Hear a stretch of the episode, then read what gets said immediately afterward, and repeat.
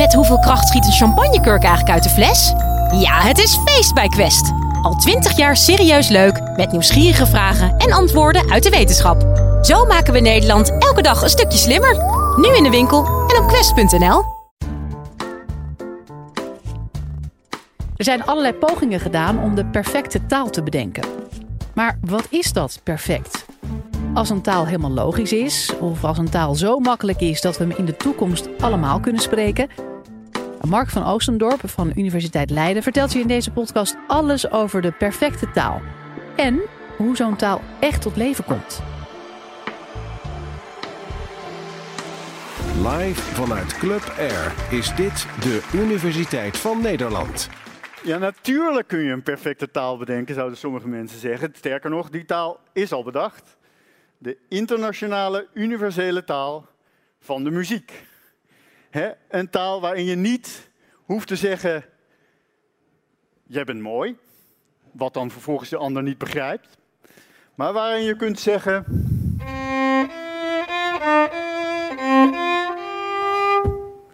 En die ander meteen begrijpt dat je bedoelt, jij bent mooi.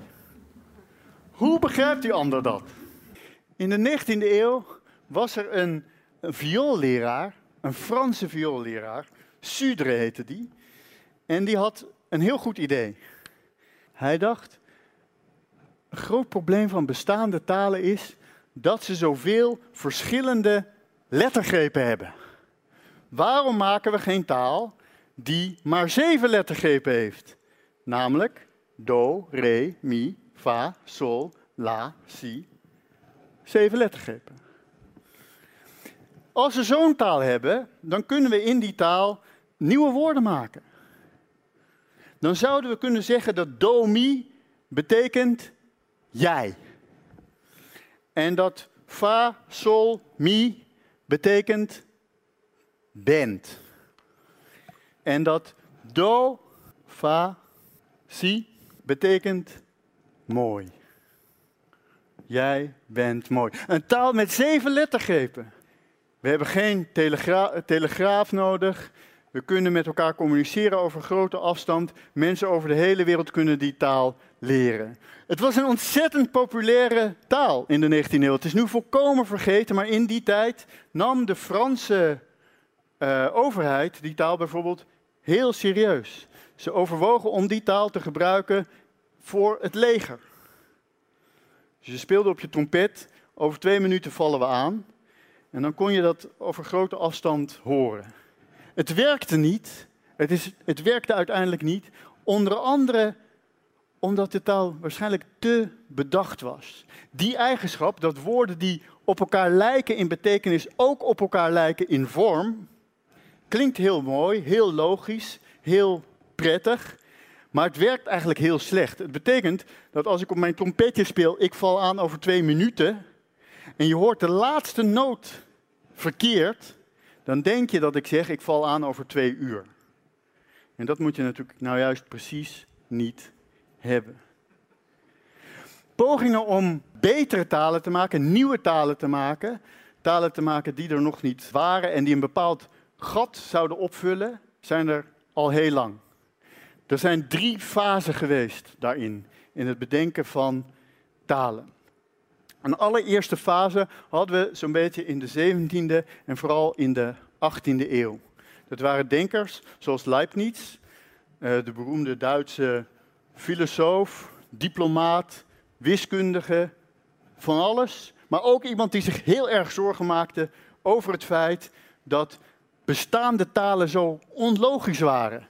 En dat je in bestaande talen kon liegen. En dat je in bestaande talen ruzie kon maken over wat er wel of niet waar was.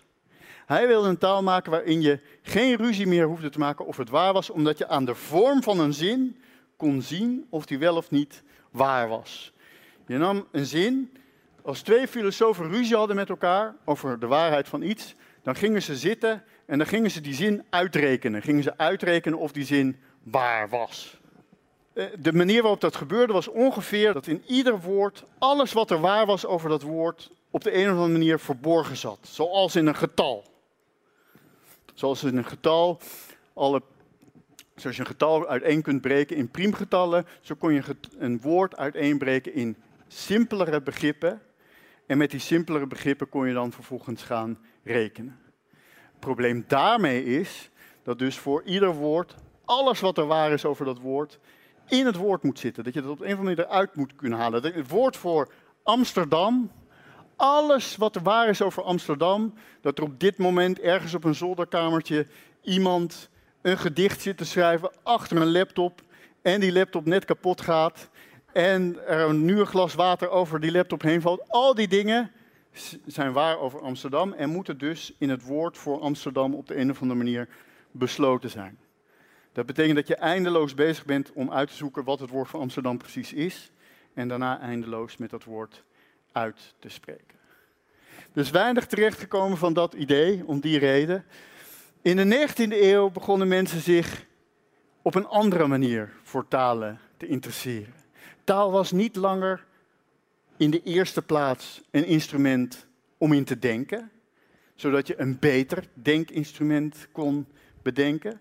Het was in de eerste plaats een instrument om internationaal mee te communiceren. Om te communiceren, met elkaar te praten. En we gingen dus eenvoudigere talen maken. Uh, we gingen talen maken waar je eenvoudig kon communiceren van de ene mens met de andere mens.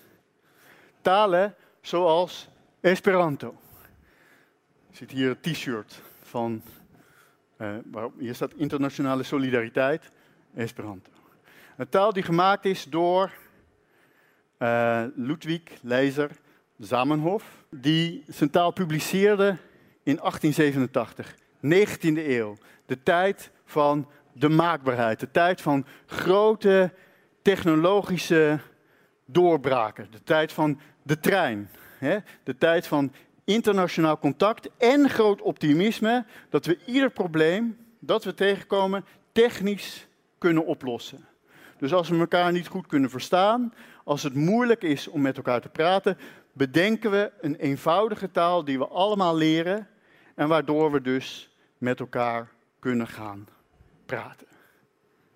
Wat er dan alleen al snel ontstaat rondom zo'n taal, is dat het meer is, meer is dan alleen maar die zakelijke, pure communicatie.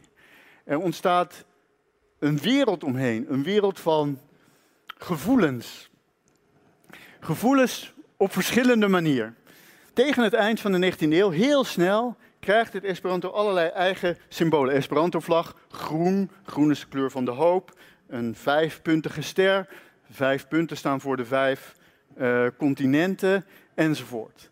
Mensen gaan zwaaien met die vlaggen en ook al heel snel krijgt dat Esperanto een volkslied.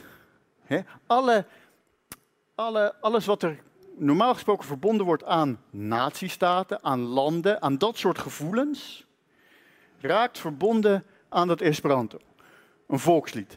En la mondon venis nova sento tra la mondon iras forta voco per flugilo de facila vento nun de loco flugugia loco.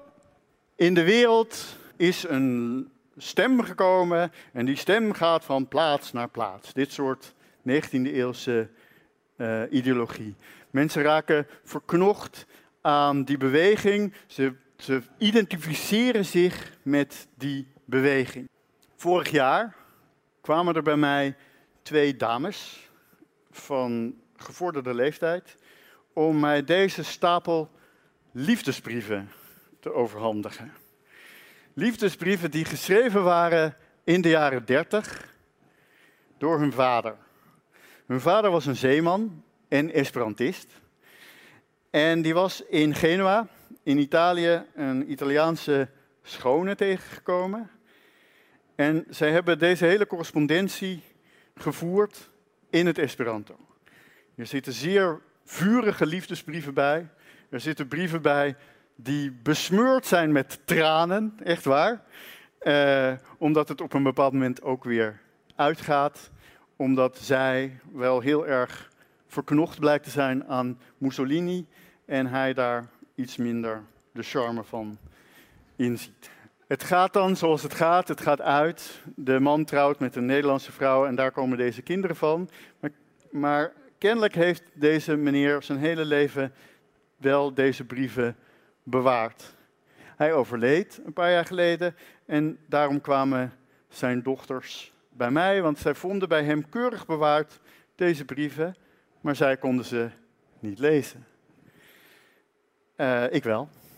Dus ik heb ze gelezen voor ze en ze dit verhaal in iets meer intiem detail uh, kunnen uh, vertellen. Maar het is een voorbeeld van hoe die taal, waarvan wij nu denken het is niet geworden uh, wat het had moeten worden, wel degelijk voor een kleine groep tot leven is gekomen. En dat tot leven komen heeft betekend dat het verbonden is geraakt aan allerlei gevoelens. En zo is het eigenlijk steeds gegaan met iedere taal, ieder taalproject, iedere bedachte taal, waar überhaupt enig leven in is gekomen, hebben mensen zich altijd mee geïdentificeerd. Dat is op zijn minst nodig. Iets wat alleen maar op papier bestaat, dat werkt kennelijk niet. En zo komen we bij de laatste fase, de fase waarin we nu zitten, van mensen die talen bedenken. Nu zijn het vaak taalkundigen, afgestudeerde, gepromoveerde taalkundigen die talen bedenken. Waarvoor bedenken ze die talen? Voor fictie, voor films, hè? voor uh, Game of Thrones. Uh, Tolkien was een heel vroeg voorbeeld daarvan. Er zijn allerlei films waarin bedachte talen worden gesproken. Ook een mooi klassiek voorbeeld is Klingon, de taal van een volk in Star Trek. Een krijgersvolk in Star Trek. Een taal die voor die films en tv-serie is gemaakt, bedacht, voor de acteurs is gemaakt, maar die een eigen leven is gaan leiden daarbuiten, omdat er mensen zijn die zo enorm wild zijn van Star Trek, dat ze deze taal hebben willen leren, dat ze Hamlet zijn gaan vertalen in die taal. Er zijn mensen die getrouwd zijn, die hun trouwen hebben uitgevoerd in die taal. Het schijnt nog geldig te zijn ook. En er is een paar jaar geleden in Den Haag een opera geweest in het Klingon.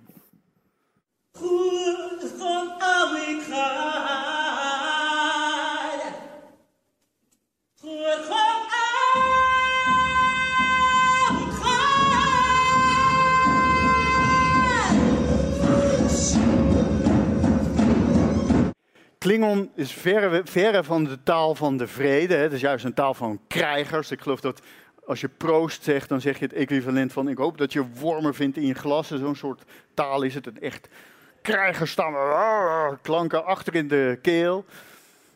Maar dus vooral ook een taal waar mensen zich weer mee zijn gaan identificeren. Want dat is wat taal voor een heel belangrijk deel is.